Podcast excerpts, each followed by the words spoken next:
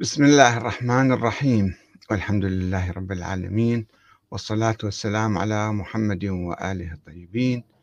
ثم السلام عليكم ورحمة الله وبركاته. أه نحاول أن نسلط الضوء على جدل فكري سياسي ديني حدث في القرن الثالث الهجري في صفوف بعض الشيعة الإمامية. وهو لا يهمنا كثيرا هذه الأيام لأننا قد تجاوزنا ذلك الجدل في الحقيقة الآن ما يسمى بالشيعة الإمامية الاثنى عشرية هم في الحقيقة تجاوزوا نظرية الإمامة الإلهية ومنذ قرون وليس من الآن. وإنما الآن بصورة واضحة جدا حيث قالوا بنظرية الشورى. و الديمقراطية وانتخاب الإمام عبر صناديق الاقتراع. وبالتالي فلا يصح أن نطلق على الشيعة المعاصرين على عامة الشيعة يعني على جماهيرهم الذين يعرفون بالإمامية. لا يصح أن نطلق عليهم عنوان الإمامية. وطبعا ولا الاثنى عشرية لأنهم لم يعودوا ينتظرون الإمام الثاني عشر الانتظار العملي. الاثنى عشرية كانت تقول بعدم جواز إقامة الدولة في عصر ما يسمى بالغيبة ولا يقوم مقام الإمام إلا الإمام كما يقول العلامة الحلي في كتابه الألفين مثلا. ولا رئيس إلا الإمام المهدي هكذا كان يقول. راجعوا كتاب الألفين تجدون النظرية واضحة جدا.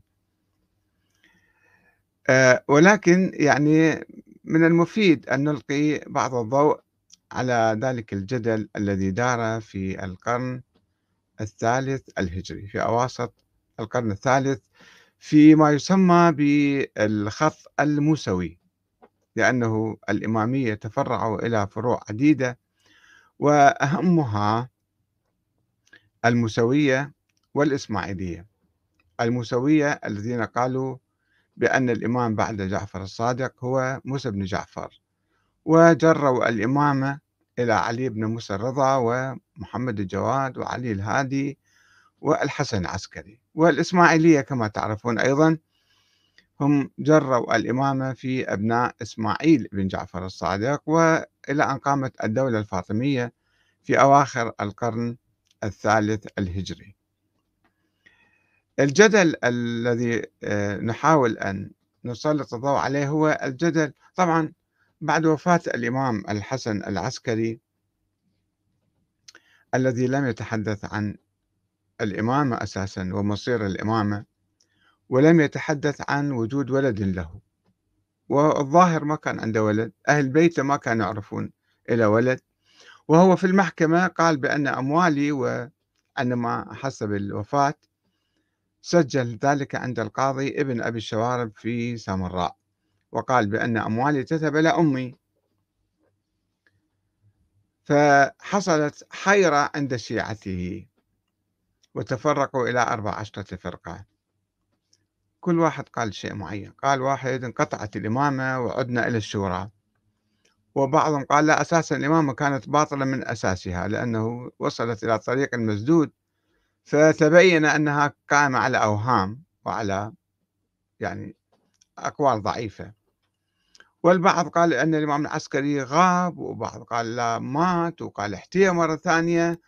آه، يعني نظريات عجيبة غريبة كان كل واحد يعني يتكلم بما يشاء. ولكن الخلاء يعني الافتراق الرئيسي الذي حدث هو في أن جماعة من الشيعة وجماعة لا بأس بهم إذا لم يكونوا في البداية هم الأكثرية. قالوا بإمامة جعفر الزكي ابن علي الهادي أخ الإمام الحسن العسكري. ولم يكن يمنع من ذلك من هذا القول إلا شعار لا آية قرآنية ولا حديث نبوي ولا شيء معقول أنه لا تكون الإمامة في أخوين بعد الحسن والحسين. خلاص.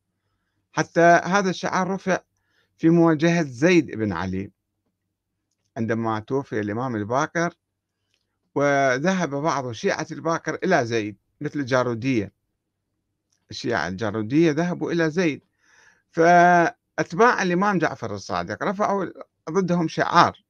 أنه لا ما يصير لا تكون الإمامة في أخوين بعد الحسن والحسين. ليش؟ إذا هي إمامة من الله فتصير بالأخو بابن العام وبأي واحد آخر. لماذا يجب أن تتسلسل في سلالة معينة؟ هذا كلام يعني عشوائي بالحقيقة.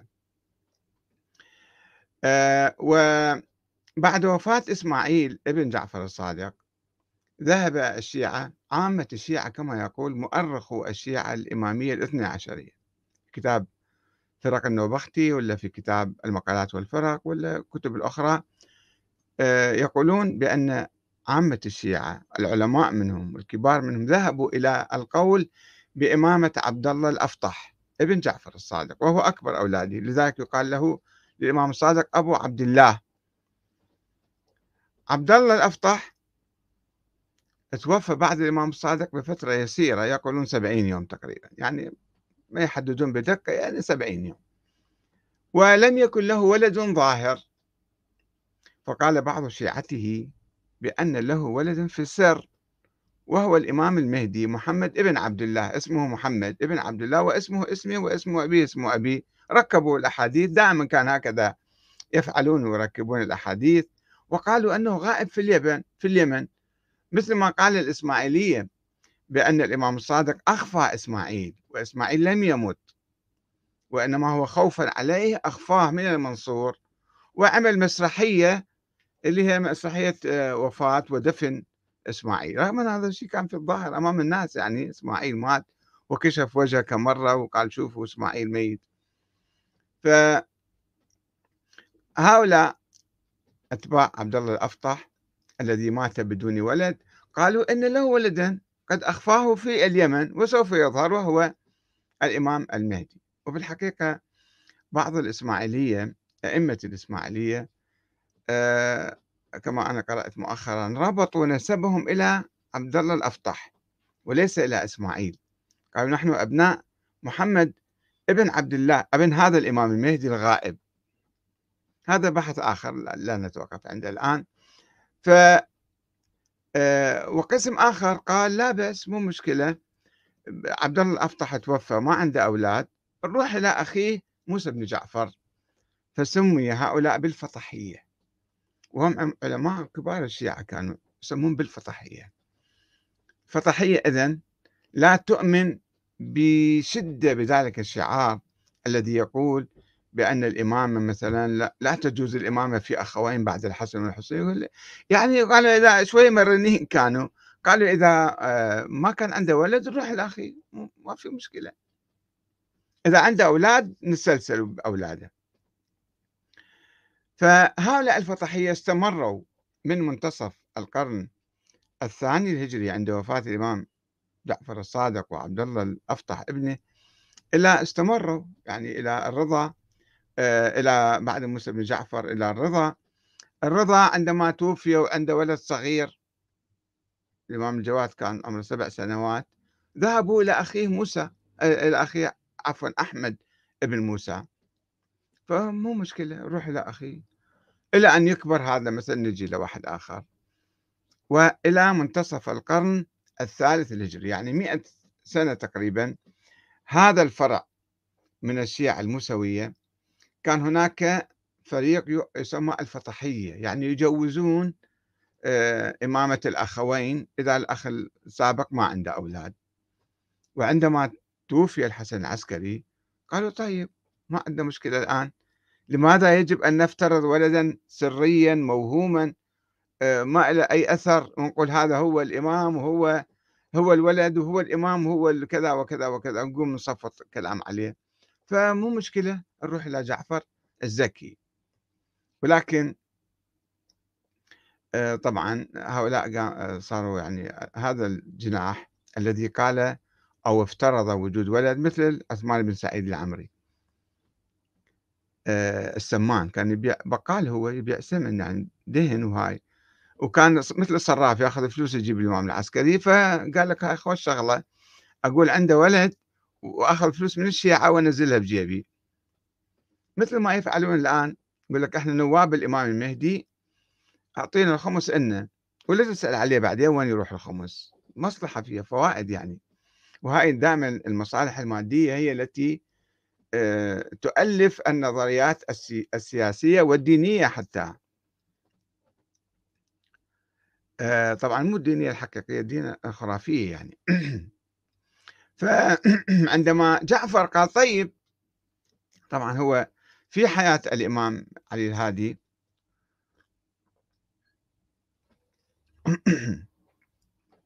الإمام علي الهادي كان عنده ثلاثة أولاد محمد والحسن وجعفر. محمد سبع الدجيل مدفون في بلد.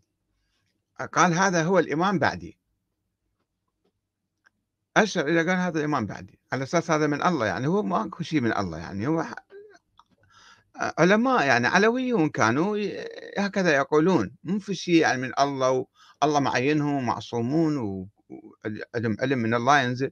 يتوقعون قال لك هذا سيد محمد بعده يصير هو الإمام عليكم. سيد محمد توفى في حياة علي الهادي. فهنا علي الهادي قال في الفاتحة لقد بدا لله في محمد كما بدا في إسماعيل. إسماعيل شلون الإمام الصادق قال هذا ابني بعدي هو يصير إمام وبعدين توفى في حياته. فإذا هذا نفس الشيء الله غير رأيه هناك وهنا مرة ثانية صار بداء يسموه البداء. وأكو عقيدة عند الإمامية تسمى عقيدة البداء. يعني الله يغير رأيه كان هذا إمام كان طبعا هذا الكلام عن البداء قبل ما يألفون القائمة الاثنى عشرية أنه هاي الله نزل بها من السماء أسماء الأئمة واحد واحد. ما حد ما كان يعرفها من الشيعة ولا أحد كان سامع بها ولذلك كان يحدث البداء.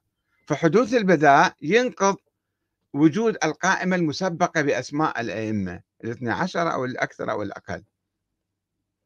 فهنا حصل أيضا نزاع بين الحسن العسكري وبين أخيه جعفر في حياة آه، علي الهادي. أنه منو راح يصير خليفة الآن؟ سيدنا محمد مات. الحسن ولا كذا؟ صار فريقين بالحقيقة انقسموا الشيعة في زمان الحسن العسكري في زمان علي الهادي. ف أبو هاشم الجعفري مثلا أحد الأصحاب كان. هذا روى حديث قال أنا سمعت في الفاتحة مال سيد محمد آه الإمام الهادي خاطب الحسن العسكري وكان شاب عمره عشرين سنة. قال له يا بني أحدث لله شكرا فقد أحدث فيك أمرا أو فيك نعمة. رواية أخرى. يعني أنت ما كنت إمام هسه صرت إمام أخوك مات أنت صرت إمام. فقالوا زين إذا الحسن العسكري بعد علي الهادي ومشوا بعده. جماعة آه، جعفر قال لا صار نزاع بين الأخوين بالحقيقة بين الحسن العسكري وبين آه، جعفر. جعفر قال لا عن الإمام بعد بعد الهادي. و صار يعني آه، مشاكل مشاكل سياسية يعني بين زعامات يعني ولا ماكو شيء اسمه إمامة إلهية ولا فلما توفي الحسن العسكري وما عنده ولد ولا ظاهر على الأقل. الشيعة الفطحية اللي هم تيار فطحي يعني ما كان يلتزمون ببني فضال علماء بني فضال في الكوفة كبار علماء الشيعة بالكوفة ذيك الأيام. هؤلاء كانوا يعني من التيار الفطحي. قالوا ماكو مشكلة الآن. الحسن العسكري توفى وما عنده أولاد روح الأخي جعفر انتهى الموضوع. ما يحتاج ندوخ هواية يعني. أو نحتار أو أو نتفلسف ونطلع نظريات عجيبة غريبة وفرضيات خيالية وهمية. فراحوا إلى جعفر. جعفر طيب بس الآن أنت منين جبت إمامتك يا جعفر؟ جعفر الزكي. آه أنه الله أنا أبوي وصاني. من من أبوي؟ أصلا الحسن العسكري قسم من من الناس قالوا هكذا. قالوا أصلا الحسن العسكري هذا ما دام ما عنده ولد تبين ما عنده ولد. فهذا أصلا ما كان إمام. من أول يوم ما كان إمام. جو مسحوا شطبوا اسم الحسن العسكري. قال هذا خليه هذا ما كان مو كان صحيح. مثل ما شطبوا اسم عبد الله الأفطح. ليش الان شوفوا الشيعة الاثنا عشرية؟ ما يعرفون اسم عبد الله الأفطح. ما يحطوه بالقائمة الأئمة. يقولون الأئمة من جعفر الصادق إلى موسى بن جعفر. زين وين راح عبد الله الأفطح وهذا الشيعة قالوا بإمامته سبعين يوم على الأقل. يقولون لا لما توفى وما عنده أولاد تبين إن هذا ما كان إمام. إحنا كنا مشتبهين كنا غلطانين بالنمرة. فخلاص حطيناه على صفحة. نفس الشيء جماعة آه، جعفر الزكي قالوا الحسن عسكري ما دام ما عنده أولاد فتبين هذا أصلا مو إمام من أول يوم ما كان إمام. وهذه الاحاديث اللي جابوها هذا أبو هاشم جعفر واحد كذاب دجال مؤلف له الحديث قال هذا. صار خلاف كل واحد يتهم الثاني. وبعض جماعة جعفر كانوا يكفرون الحسن العسكري ويكفرون جماعته. هذا شلون يدعون الإمام هذول كذب وصارت عركة بيناتهم. وذولا يسبوا جعفر وهذا جعفر هم يطلعون دعايات مثل ما الآن يشوفون الدعايات كيف تمشي بين المتنافسين على المرجعية وعلى الزعامات. أنه هذا يوم وفاة أخوه ركب زورق في دجلة وراح شرب خمر ومغنين وكان يتونس بالله. فشيء اكاديمي معقولة واحد.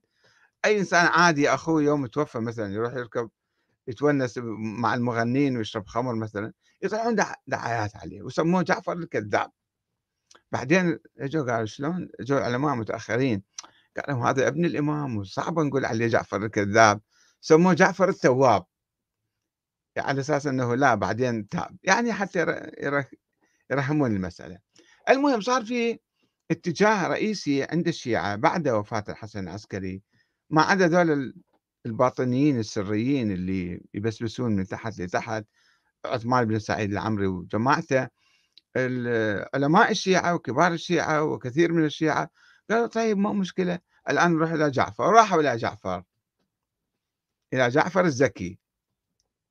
طبعا ما كانت أكو قائمة بأسماء كما قلنا قبل قليل لم تكن هناك قائمة مسبقة بأسماء الأئمة الاثني عشر ولا الشيعة يعرفون أنهم ذول يسموهم اثنا عشرية. ما كان في شيء اسمه اثنا عشرية. كان في شيء إمامية جعفر جعفرية موسوية قطعية إسماعيلية آه كذا كانوا يعني قطعية قطعوا على الرضا.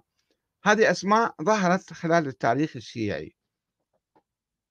ف جرى حوار بين شخصيتين من أواخر القرن الثالث الهجري. واحد اسمه آه، علي بن أحمد آه، ابن بشار. علي ابن أحمد ابن بشار. هذا شخص كان من أتباع جعفر الزكي. وفي مقابل ذلك في مقابل ذلك شخص اسمه آه، أبو جعفر ابن قبة الرازي. هذا يقال عنه أنه كان في البداية معتزل معتزلي يعني ومتكلم. كما يصفوه علماء الرجال النجاشي مثلا الخوئي غيره غيره غيره يعظمون كثير هذا الرجل. والشيخ محمد بن علي بن بابويه الصدوق آه، في كتابه آه، كمال الدين وتمام النعمة يذكر في المقدمة حوارا جرى بين آه، أبو الحسن ابن بشار يعني علي بن أحمد ابن بشار وهذا الشخص اللي هو آه، أبو جعفر ابن قبة الرازي أو ابن قمة ما أدري تلفظه كيف آه، أنه هذا كان معتزلي وتبصر كما يقول النجاشي وانتقل ولا عنده كتب عديدة في الإمامة. له كتاب الإنصاف في الإمامة وكتاب الرد على الزيدية. كانوا الزيدية ناشطين ذيك الأيام. ويقومون بثورات. وكتاب الرد على أبي علي الجبائي اللي هو معتزلي. والمسألة المفردة في الإمام عنده كان يكتب في الإمامة؟ وينظر إلى وجود ابن للإمام العسكري. ابن مخفي ما حد ما شايفه. فصار نقاش بين دول الاثنين ذاك أبو الحسن ابن بشار كتب آه، رسالة أو مقالة عنده أو كتاب في حول الغيبة مثل ما يقول السيد الخوئي له مقالة في إنكار الغيبة. وهو قائل بإمامة جعفر أخي الحسن العسكري هذا كما يقول السيد الخوئي في معجم الرجال. ويقول ذكره الصدوق في كمال الدين ويحتمل أن محمد بن علي بن بشار الذي هو من مشايخ الصدوق ابنه. هذا ابنه كان من مشايخ الصدوق. الصدوق توفى 381 وابنه خلينا نفترض متوفي قبل 50 سنة أو 40 سنة. فهذا كان من آه، متوفي في بدايات القرن الرابع من أواخر القرن الثالث. يعني كان عايش في تلك المرحلة في النصف الثاني من القرن الثالث الهجري وكان يقول بإمامة الإمام جعفر الزكي. وحوار لطيف جرى بينهما. آه، الحوار موجود أي واحد يحب يراجعه وأنا سوف أقرأ مقاطع من عنده حوار طويل. آه، ولكن خلاصة الحوار قبل أن أقرأه عليكم خلاصة الحوار. أبو الحسن ابن بشار يقول هناك كثير من الحركات المنحرفة أو الضالة أو المدعين يدعون ادعاءات كثيرة على لأشخاص لقياداتهم ولأئمتهم. ولكن آه، كل هؤلاء يتحدثون عن وجود أشخاص في الظاهر معروفين مثلا فلان ابن فلان فلان فلان. هؤلاء مثلا له صفة معينة. ولكن الذين قالوا بوجود الولد للإمام الحسن العسكري وادعوا أنه هو إمام وهو معصوم يقول هؤلاء عندهم يعني دعوة باطلة مرتين أو دعويين باطلتين. وحدة أنه هذا شخص موجود ثم أنه هو الإمام. يقول خلينا إحنا نترك الصفة اللي يدعوها إلى أول شيء خلي يثبتون وجود هذا الولد بعدين تجيبون الصفة الثانية. فإحنا نتنزل وياهم نقول يا آمنا وسلمنا أنتم كلامكم صحيح وهو الإمام بس اثبتوا لنا أول شيء وجوده وولادته حتى يمكن إحنا نقبل بهذا الشخص. وأيضا يطلق عليهم يقول دائما عندما نتحاور معهم هذا أبو علي بن بشار يقول عندما نتحاور مع القائلين بوجود الولد يقولون عندهم نظريات عندهم مقولات ذهنية أنه الأرض لا يمكن أن تخلو من إمام فلا بد من وجود حجة مثلا لا بد لا بد لا بد لا بد يعني فرضية. يعني هم دي يفترضون ماكو عندهم دليل. ما عندهم شيء فسماهم اللابدية قال أنتم اللي تؤمنون بوجود هذا الولد أنتم يصح إطلاق لقب عليكم جديد وهو اللابدية والبد من معانيه الصنم. فحتى اللي يعبدون الأصنام هؤلاء عندهم صنم موجود يعبدوه أنتم ما عندكم حتى هذا الصنم ما موجود لابد. فنسميكم لابدية وسأقرأ لكم كلامه وبعدين آه، ابن قبة يجاوبه في رد طويل أيضا.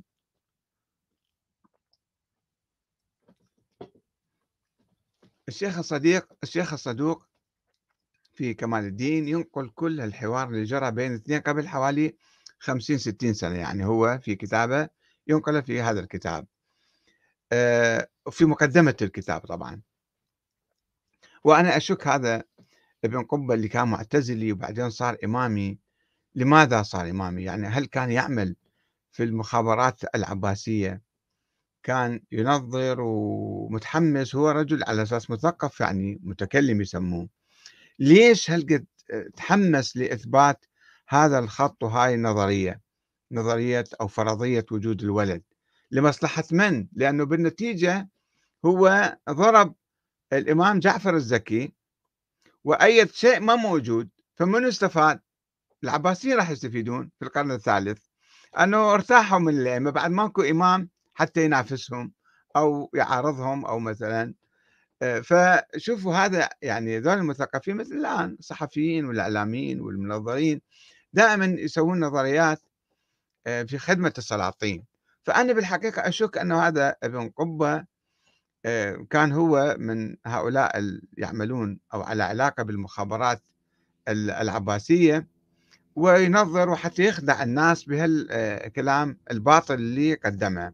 وطبعا الشيخ المفيد الشيخ آه، الصدوق كلش فرحان بكلامه لأنه هو أيضا نفس الشيء ذولا آه، صنعوا مذهب لا إمام له بدون إمام. إمام غائب يعني ما موجود يعني لا إمام. يعني قضوا على الخط الإمامي من من ذاك اليوم إلى اليوم. فينقل الشيخ الصدوق يقول وكان من كلام علي بن أحمد بن بشار علينا في ذلك أن قال في كتابه ما يذكر اسم الكتاب هو في كتاب في الغيبة يمكن يقول إن كل المبطلين أغنياء عن تشبيه النية من يدعون له النية يعني وجود. إن يعني وجود. النية من يدعون له وبه يتمسكون وعليه يعكفون ويعطفون لوجود أعيانهم وثبات نياتهم يعني وجودهم. وهؤلاء يعني الشيخ الصدوق يقول يعني أصحابنا يقصد يعني آه، اللي قائلين بوجود الولد. يقول وهؤلاء فقراء إلى ما قد غني عنه كل مبطل سلف من تثبيت النية من يدعون له وجوب الطاعة اللي شخص موجود ما يحتاجون يثبتون وجوده. أما هؤلاء فقد افتقروا إلى ما قد غني عنه سائر المبطلين واختلفوا بخاصة بخاصة عندهم ميزة خاصة ازدادوا بها بطلانا وانحطوا بها عن سائر المبطلين لأن الزيادة من الباطل تحط يعني صار ذبل الباطل. والزيادة من الخير تعلو والحمد لله رب العالمين. وأقول قولا تعلم فيه الزيادة على الإنصاف منا. وإن كان ذلك غير واجب علينا بس أنا راح أتنازل يعني أقبل ببعض كلامكم. أقول إنه معلوم إنه ليس كل مدع ومدعى له بمحق. مو كل واحد ادعى فت كلام صار حق. وأن كل سائل لمدع تصحيح دعواه بمنصف. وهؤلاء القوم ادعوا أن من صح عندهم أمره وجب له على الناس الانقياد والتسليم. الإمام الغائب يعني. وقد قدمنا أنه ليس كل مدع ومدعى له بواجب التسليم. ونحن نسلم. يقول هذا أول شيء مبدأ عام عام يعني. مو كل واحد يقول في كلام صار كلامه صحيح. مع ذلك يقول نحن نسلم لهؤلاء القوم الدعوة ونقر على أنفسنا بالإبطال. وإن كان ذلك في غاية المحال بس نتجادل وياهم. بعد أن يوجدون النية المدعى له. هذا الذي يدعون أنه إمام وهو غائب وهو المهدي المنتظر بعدين قالوا أول شيء يثبتون وجوده أن يوجدون النية المدعى له. ولا نسألهم تثبيت الدعوة لأنه هذا إمام مثلا. أول شيء يقولوا هو موجود لو مو موجود. فإن كان معلوما أن في هذا أكثر من الإنصاف هذا بعد إحنا كلنا منصفين وياكم فقد وفينا بما قلنا. فإن قدروا عليه فقد أبطلوا. وإن عجزوا عنه فقد وضح ما قلناه من زيادة عجزهم عن تثبيت ما يدعون. على عجز كل مبطل عن تثبيت دعواه. يعني هم لا يقدرون يثبتون وجوده ولا يقدرون يثبتون إمامته أو صفته مثلا. وأنهم مختصون من كل نوع من الباطل بخاصة يزدادون بها انحطاطا على المبطلين أجمعين. لقدرة كل مبطل سلف على تثبيت دعواه النية من يدعون له. يقول كل الحركات الباطلة السابقة كانوا يثبتون وجود قياداتهم وأئمتهم وبعدين الصفة فيها نقاش. وعجز هؤلاء عما قدر عليه كل مبطل إلا ما يرجعون إليه من قولهم إنه لابد ممن تجب به حجة الله عز وجل. يقول ما عندهم أي كلام يثبتون فيه كلامهم ووجود هذا الشخص المدعى إلا هذا القول. عندهم في الكلام في المقولة برأسهم دائما يكرروها. أنه لابد ممن تجب به حجة الله عز وجل. يقول لازم أكو واحد. فإذا إحنا لازم نفترض واحد آخر. هذا مو كلام صحيح. وأجل لابد من وجوده فضلا عن كونه. فأوجدونا الإنية من دون إيجاد الدعوة. ما ردكم تثبتون الدعوة أنه هو الإمام بس تثبتون وجود هذا الشخص. وينقل عن أحد الأشخاص اللي قريبين من عنده يقول ولقد آه، خبرت عن أبي جعفر بن أبي غانم أنه قال لبعض من سأله فقال بم تحاج الذين كنت تقول ويقولون أنه لا بد من شخص قائم من أهل هذا البيت؟ أنه أنت كنت تقول هالكلام؟ آه، آه، قال له أقول لهم عندما كانوا يقولون له أنت أنت كنت تقول هالكلام فيقول أنا أجاوب هذا أبو جعفر ابن أبي غانم. أقول لهم هذا جعفر. هذا اللي أقول عليه شخص قائم من أهل البيت هذا جعفر. فيا عجبا أيخصم الناس بمن ليس بمخصوم؟ أنتم كلامكم فشيء وهمي وهذا موجود شخص أمامكم ما تعترفون به وتروحون تختلقون في الوهم لكم وتقولون هذا هو الإمام؟ وقد كان شيخ في هذه الناحية رحمه الله يقول وسمت هؤلاء يعني الذين قالوا بوجود الولد المخفي وسمت هؤلاء باللابديه اللابديه فرقة هاي اسمهم يعني يقول. أي إنه لا مرجع لهم ولا معتمد إلا إلى أنه لابد أن يكون هذا الذي ليس في الكائنات إلا هذا الشخص اللي ما موجود. فوسمهم من أجل ذلك حط عليهم سمة يعني قال أنتم اللابدية. يعني مثل الآن يعني يطلق على الشيعة الموجودين حاليا الاثنى عشرية يقول أنتم اللابدية. ونحن نسميهم بها أي أنهم دون كل من له بد يعكف عليه. بد يعني صنم. يقول ذولا مثل غير بقية الناس اللي عندهم أصنام يعكفون عليها إذ كان أهل الأصنام التي أحدها البد أحد الأصنام البد. قد عكفوا على موجود وإن كان باطلا فالصنم موجود. وهم قد تعلقوا بعدم ليس أصلا هذا ما له وجود. وباطل محض وهم اللابدية حقا. هؤلاء نسميهم لابدية. أي لابد لهم أي لا بد لهم يعكفون عليه. ما عندهم فرد بد حتى يعكفون عليه فالشيء ما موجود. إذ كان كل مطاع معبودا وقد وضح ما قلنا من اختصاصهم من كل نوع الباطل عندهم خصوصية خاصة بخاصة يزدادون بها انحطاطا أنه عندهم دعوة باطلة بالإمامة ودعوة باطلة بوجود هذا الإمام. أول شيء وجوده باطل وما له حقيقة وأنه هو الإمام وهو المهدي المنتظر هو كذا ننتظره. يقول تختم الآن أو نختم الآن هذا الكتاب بأن نقول إنما نناظر ونخاطب من قد سبق منه الإجماع على أنه لا بد من إمام قائم من أهل هذا البيت. هذول الشيعة اللي كانوا يعتقدون أنه دائما لازم أدنى فرد إمام قائم من أهل البيت. تجب به حجة الله. هاي نظرية الإمامة يعني. ويسد به فقر الخلق وفاقتهم. ومن لم يجتمع معنا على ذلك إذا واحد ما آمن بهاي المقدمة بهذه المقولة أنه لا بد من إمام قائم من أهل هذا البيت تجب به حجة الله فقد خرج من النظر في كتابنا. فضلا عن من مطالبتنا به ما يحتاج أصلا نبحث وياه. إذا واحد أصلا قال لا مو شرط. منين جبتوا الكلام هذا؟ ما موجود بالقرآن. النبي ما تحدث عنه. فمرتاح.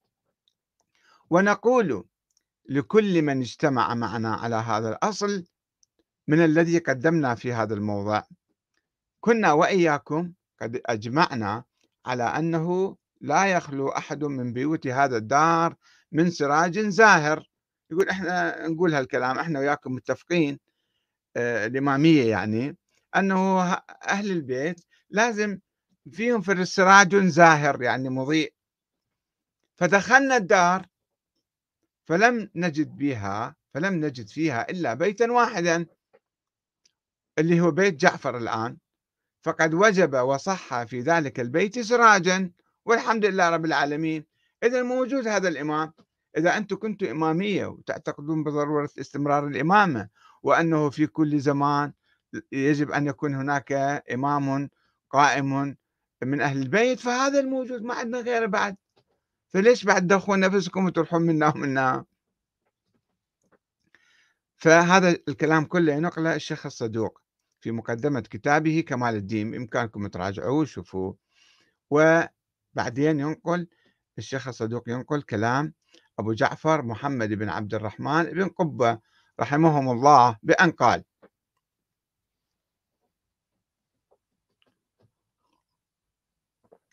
بالحقيقة كلامه طويل إذا تحبون تراجعوه آه يعني هو يقدم مقدمات ويحاول يرد عليه. أنا أتوقف عند بعض النقاط المهمة في كلامه وفي جوابه. يقول إنا لا نتكلم في فرع لم يثبت أصله لخاطبة. يقول إحنا أنت قاعد تستشكل علينا وتقول وين هذا الولد؟ قلنا إنا نقر أنه لا بد من رجل من ولد أبي الحسن علي بن محمد العسكري عليه السلام تجب به حجة الله. حجة لله دللناكم على ذلك حتى نضطركم إليه إن أنصفتم من أنفسكم. وأول ما يجب علينا وعليكم ألا نتجاوز ما قد رضي به أهل النظر واستعملوه. ورأوا أن من حاد عن ذلك فقد ترك سبيل العلماء وهو هذه النقاط الأساسية في خطابه. وهو أنه وهو أن لا نتكلم في فرع لم يثبت أصله. رجع. ما ناقش في موضوع وجود الإمام الثاني يعني ولد العسكري. قال خلينا نرجع نبحث. إحنا كان عندنا مشكلة بيناتنا والشيعة كانوا مختلفين حول إمامة الحسن العسكري. فالإمام الحسن العسكري هل هو إمام أو مو إمام؟ لا نت... وهو إن لا نتكلم في فرع لم يثبت أصله. هو تقريبا هروب من المناقشة في الحقيقة. وهذا الرجل يعني محمد بن الحسن العسكري وهذا الرجل الذي تجحدون وجوده تقولون أصلا ما موجود هذا فإنما يثبت له الحق بعد أبيه. وأنتم قوم لا تخالفون في وجود أبيه. أبوك أكيد تتفقون يعني أنه كان موجود. فلا معنى لترك النظر في حق أبيه والاشتغال بالنظر معكم في وجوده في وجوده. فإنه إذا ثبت الحق لأبيه ثبت الحق لأبيه فهذا ثابت ضرورة عند ذلك بإقراركم. فإذا ثبت الحق الأبو الحسن العسكري مو الجعفر يعني أخ العسكري فراح إحنا كلامنا يصير صحيح. وإن بطل أن يكون الحق لأبيه فقد آل الأمر إلى ما تقولون. وقد أبطلنا أو أبطلنا إحنا صرنا باطلين يعني. طيب هذا مو منطق معقول. يعني افترض الإمام العسكري أصلا مو إمام خلينا نفترض في ناس يقولون السنة الإسماعيلية الزيدية آه، كثير من الناس حتى جماعة جعفر الزكي لم يكونوا يعترفون بإمامة الحسن العسكري. فإذا ما ما آمنا بإمامته لماذا نفترض وجود ولد له؟ آه، هو يقول لا إذا أنتم أول شيء خلينا نثبت نثبت إمامته حتى بعدين نقول لكم عنده ولد نفترض عنده ولد. آه، وهيهات لن يزداد الحق إلا قوة ولا الباطل إلا وهنا وإن زخرفه المبطلون. والدليل على صحة أمر أبيه هو ذاك آه، ابن بشار يسأل عن وجود إثبات وجود محمد بن حسن عسكري. هذا ترك الموضوع أو هرب من عنده. يقول لك خلينا نناقش أبوه إمام لو مو إمام. والدليل على صحة أمر أبيه إنا وإياكم مجمعون على أنه لا بد من رجل من ولد أبي الحسن الهادي يعني تثبت به حجة الله وينقطع به عذر الخلق. يقول إحنا خلينا نرجع ليه ورا شوية. نرجع لأيام الهادي إحنا متفقين وياكم. الإمام الهادي كان إمام وإحنا متفقين عليه. زين بعد الإمام الهادي منه لابد من رجل من ولد أبي الحسن الهادي يعني تثبت به حجة الله. وأن ذلك الرجل تلزم حجته تلزم حجته من نأى عنه من أهل الإسلام.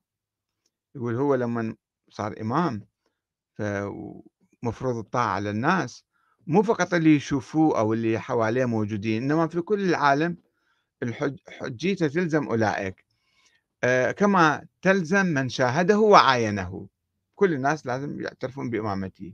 ونحن وأكثر الخلق ممن قد لزمتنا الحجة من غير مشاهدة. إحنا ما شفنا الحسن العسكري بس آمنا بوجوده آمنا بإمامته. فننظر في الوجه الذي لزمتنا منه الحجة ما هي؟ شلون إحنا آمنا بإمامة الحسن العسكري؟ ثم ننظر. من أولى من الرجلين اللذين لا عقب لأبي الحسن غيرهما؟ الإمام الهادي عنده ولدين واحد الحسن العسكري وواحد جعفر الزكي. فأيهما كان أولى؟ فهو الحجة والإمام. ولا حاجة بنا إلى التطويل. راح يتناقش؟ ليحاول يثبت إمامة الحسن العسكري الآن. ثم نظرنا من أي وجه تلزم الحجة من نأى عن الرسل والأئمة نفس الشيء والأنبياء لما كانوا موجودين مو بس اللي يشوفوهم حتى البعيدين أو اللي يجون بعدهم يؤمنون فيهم. فإذا ذلك فإذا ذلك فإذا ذلك بالأخبار التي توجب الحجة وتزول عن ناقليها تهمة التواطؤ عليها والإجماع على تخرصها ووضعها. يقول الأخبار المتواترة يعني. اللي ما يمكن نشك بها وإجماع حواليها. ثم فحصنا عن الحال فوجدنا فريقين ناقلين. يزعم أحدهما أن الماضي يعني الهادي إمام الهادي نص على الحسن. في أكو صار صراع ودي يعترف بهذا الصراع يعني يتحدث عنه. يقول أكو فريقين عندنا فوجدنا فريقين ناقلين. يزعم أحدهما أن الماضي الإمام الهادي نص على الحسن وأشار إليه. ويروون مع الوصية وما له من خاصة الكبر هو أكبر كان أدلة يذكرونها وعلما يثبتونه. هذا فرد الجماعة. ووجدنا الفريق الآخر يروون مثل ذلك لجعفر. لا يقول غير هذا يقولون جعفر بس هو الإمام. صار عندنا صار عندنا خلاف بعد وفاة الإمام الهادي. فنظرنا هذا كله يناقش حتى يثبت وجود الولد. يقول فنظرنا فإذا الناقل لأخبار جعفر جماعة يسيرة قليلين والجماعة اليسيرة يجوز عليها التواطؤ والتلاقي والتراسل فوقع نقلهم موقع الشبهة لا موقع الحجة وحجج الله لا تثبت بالشبهات. المبدأ كلش لطيف وعظيم. يقول أنه ذلك أكثرية وذول أقلية. الأكثرية ما يمكن نشك بكلامهم. ذول الأقلية نشك بكلامهم. زين مو هو بعد وفاة الإمام الحسن العسكري. عامة الشيعة انقسموا إلى شيعة الحسن العسكري بالذات انقسموا إلى 14 فرقة. وفرقة قليلة قالت آه، بالسر عثمان بن سعيد وكم واحد وياه. زين دولة حجج الله لا تثبت بالشبهات وبالتخرصات وبالكلام السري. شوفوا هو دي, دي ينفي كلامه يعني بالحقيقة دي يرد على نفسه. هذا مبدأ عظيم.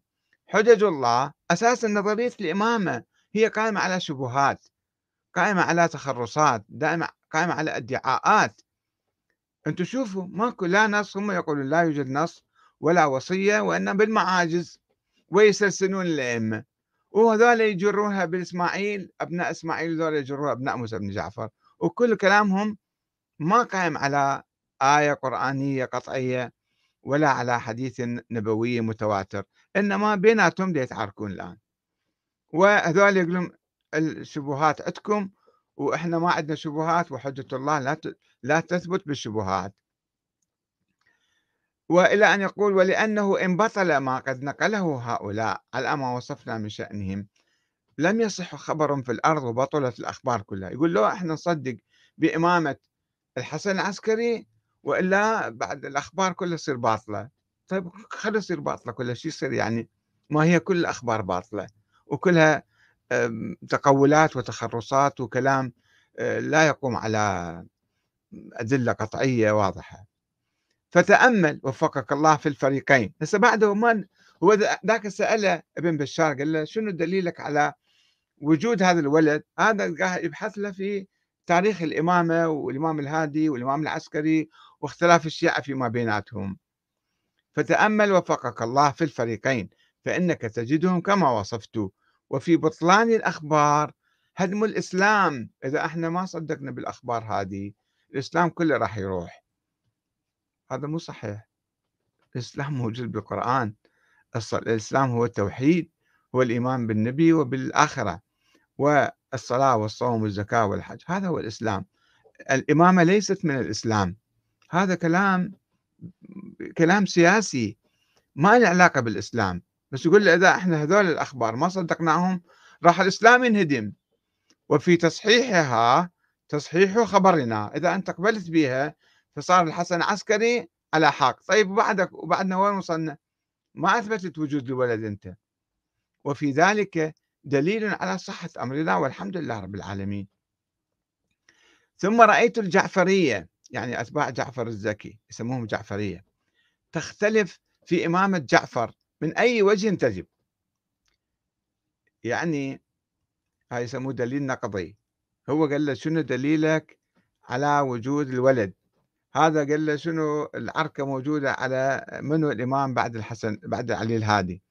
والجعفرية ما إمامتهم ما تثبت ما تثبت إمامة جعفر تختلف في إمامة جعفر. أنه طيب كانوا ناس كثيرين يتحدثون أنه هذا إمام بعد أخيه سيد محمد أخذ الإمامة منه أو من أبيه علي الهادي أو بعد الحسن العسكري. فقال قوم بعد أخيه محمد وقال قوم بعد أخيه الحسن وقال قوم بعد أبيه بعد أبيه. ورأيناهم لا يتجاوزون ذلك. ورأينا أسلافنا وأسلافنا رووا قبل الحادث ما يدل على إمامة الحسن وهو ما روي عن قام يجيب له أحاديث مختلقة في أوقات متأخرة في نهاية القرن الثالث ويثبت بها حتى يثبت إمامة الحسن وبالأحاديث يريد يثبت وجود ابن للحسن العسكري. يقول روي عن أبي عبد الله. منه روى؟ وهو ما روي. عن أبي عبد الله. قال إذا توالت ثلاثة أسماء محمد وعلي والحسن فالرابع القائم. هذا مثل حزورة صار. هو الدين هالشكل يعني يثبت الإمام الصادق عنده علم غيب راح يجون أولاد عنده أولاد أو ناس حتى إذا مو من أولاده. توالت ثلاثة أسماء محمد وعلي والحسن في الرابع القائم. من قال لك الكلام هذا؟ من قال لك الحديث صحيح؟ حديث هو يمكن مختلقة ودي يجيبه حتى يثبت به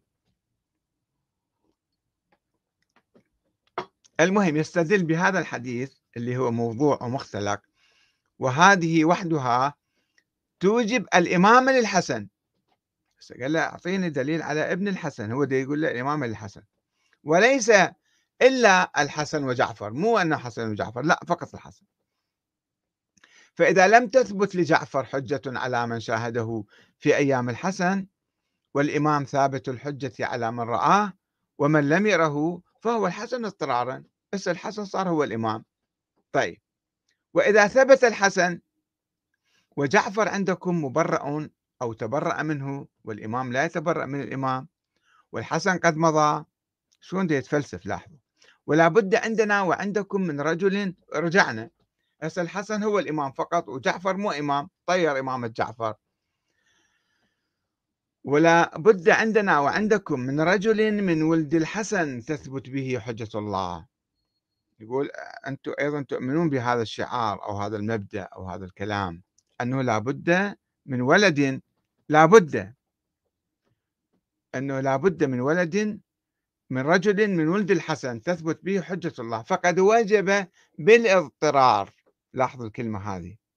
فقد وجب بالاضطرار. يعني إحنا مضطرين نفترض ولد للحسن ولد قائم.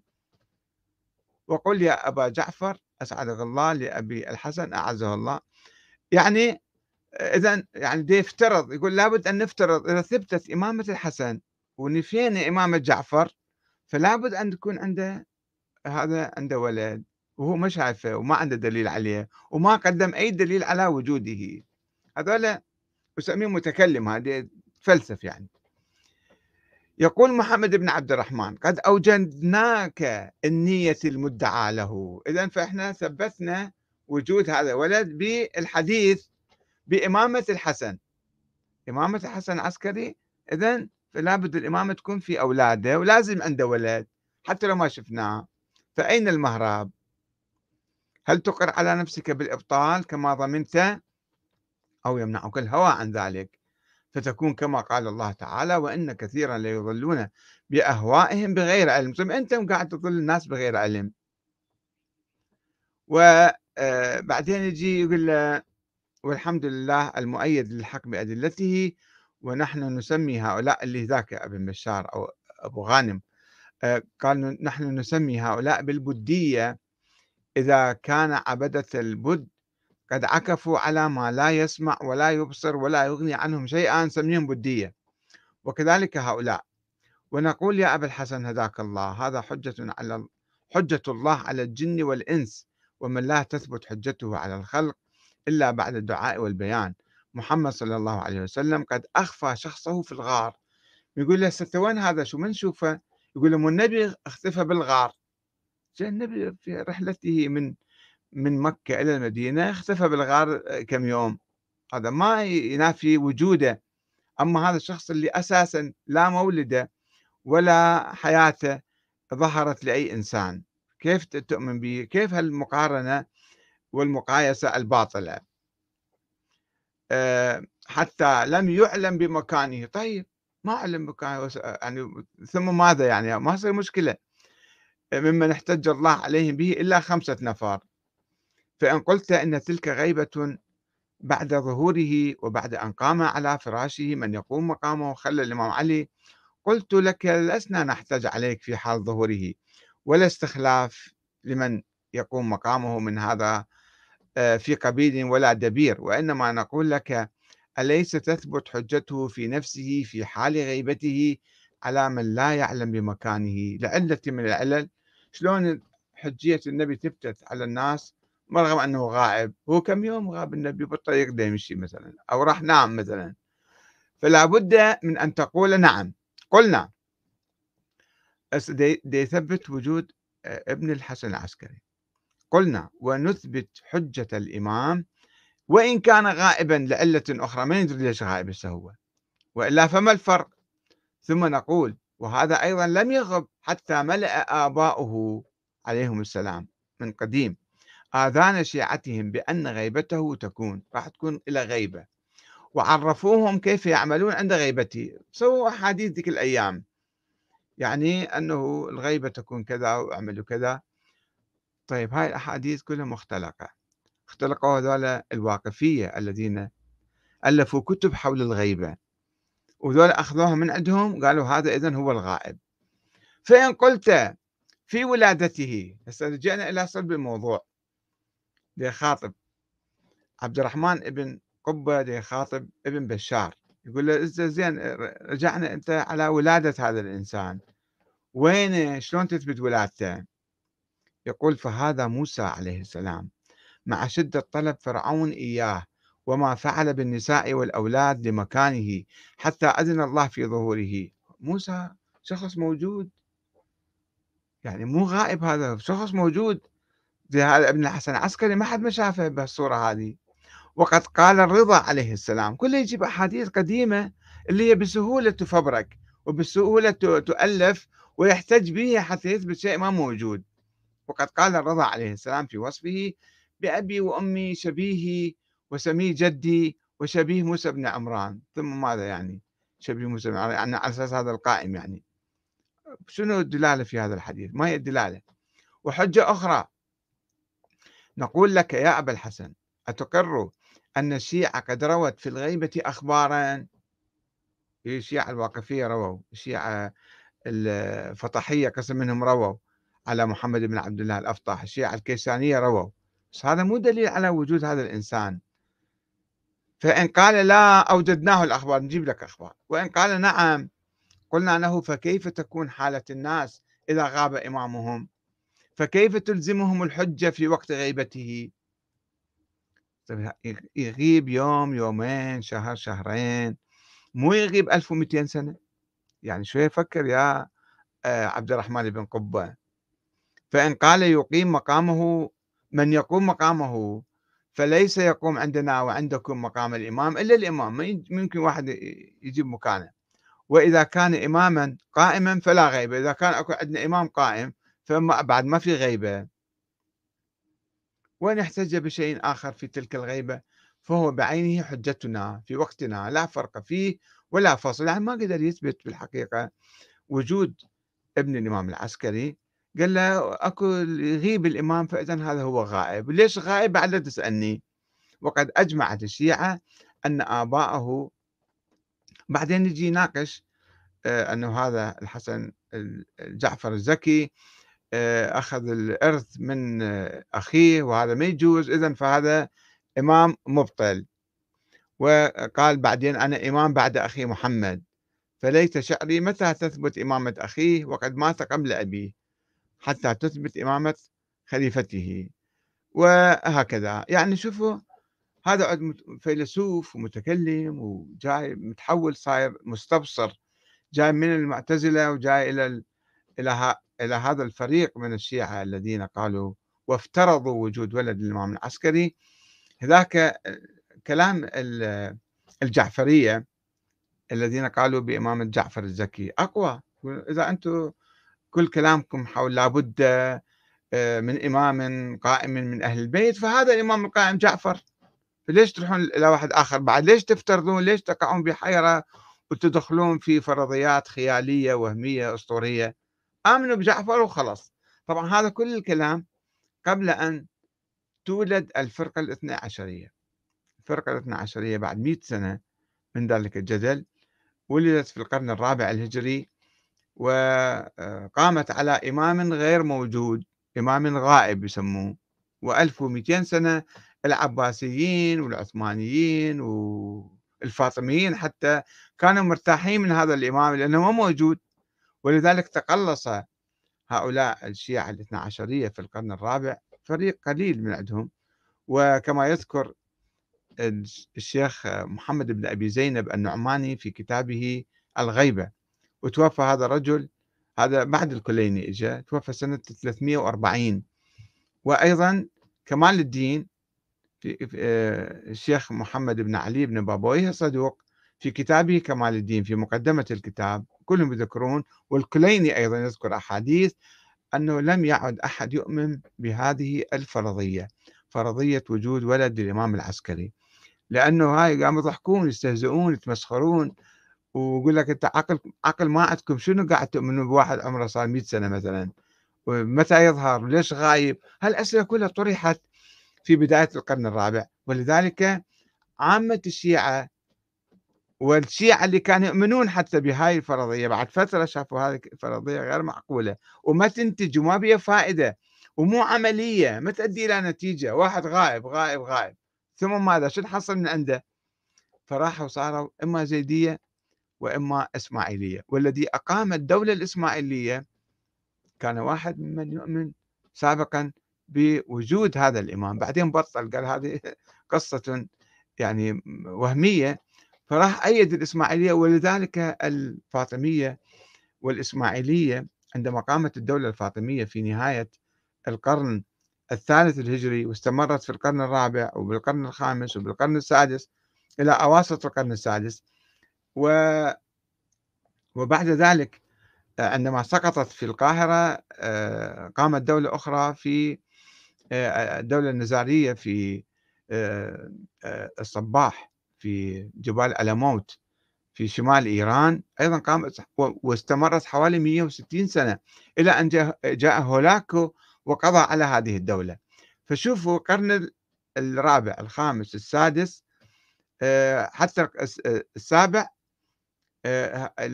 الشيعة معظمهم كانوا يميلون إلى الإسماعيلية. والإسماعيلية مستمرون حتى اليوم وتفرقوا فرق عديدة طبعا عبر الزمان.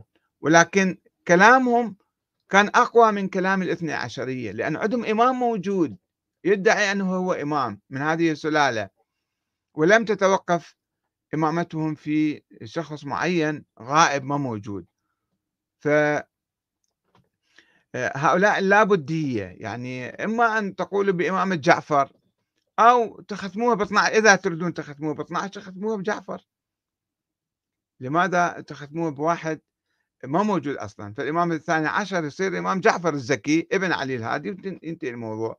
مثل ما صار الإمام انتقلت الإمامة من عبد الله الافطح إلى موسى بن جعفر. أه ولكن هذا الكلام كله بالحقيقة ثبت عبر التاريخ. أنه أه يعني ومن ومنذ البداية لم يثبت بأدلة قوية قاطعة يقينية إنما بكلام ونظريات وادعاءات و فرضيات وما شابه. وآن لنا أن نتخلص من هذا الكلام كله. يعني أنا حاولت أسلط الضوء على هذا الجدل الذي جرى في القرن الثالث الهجري لكي أقول بأنه كل الكلام كان قائما على على شعارات وعلى ادعاءات يعني ضعيفة وأحاديث شخصية لم يقم على القرآن الكريم ولا على السنة النبوية. ولذلك الآن الشيعة اليوم يؤمنون بنظرية الشورى يؤمنون بالنظرية الديمقراطية بانتخاب الحاكم من عندهم وبمحاسبته ومراقبته وتغييره وهذا الجدل اللي يشوفوه الآن بالعراق أو بإيران أو في كل مكان هؤلاء هم المهتدون حقا. الشيعة الديمقراطيون الشيعة الذين يؤمنون بالشورى الأوائل والأواخر. الأوائل في زمن الأئمة الإمام علي الإمام الحسن الإمام الحسين الشيعة كانوا يؤمنون بالشورى بنظرية الشورى. والآن الشيعة يؤمنون بالشورى وعامة المسلمين يؤمنون بالشورى. فحصل اتفاق بين جميع المسلمين ولم يعد هناك آه، مبرر لإطلاق كلمة هؤلاء سنة ولا هؤلاء شيعة. الحمد لله نحن جميعا مسلمون ونؤمن بالعدل والشورى والديمقراطية. والسلام عليكم ورحمة الله وبركاته.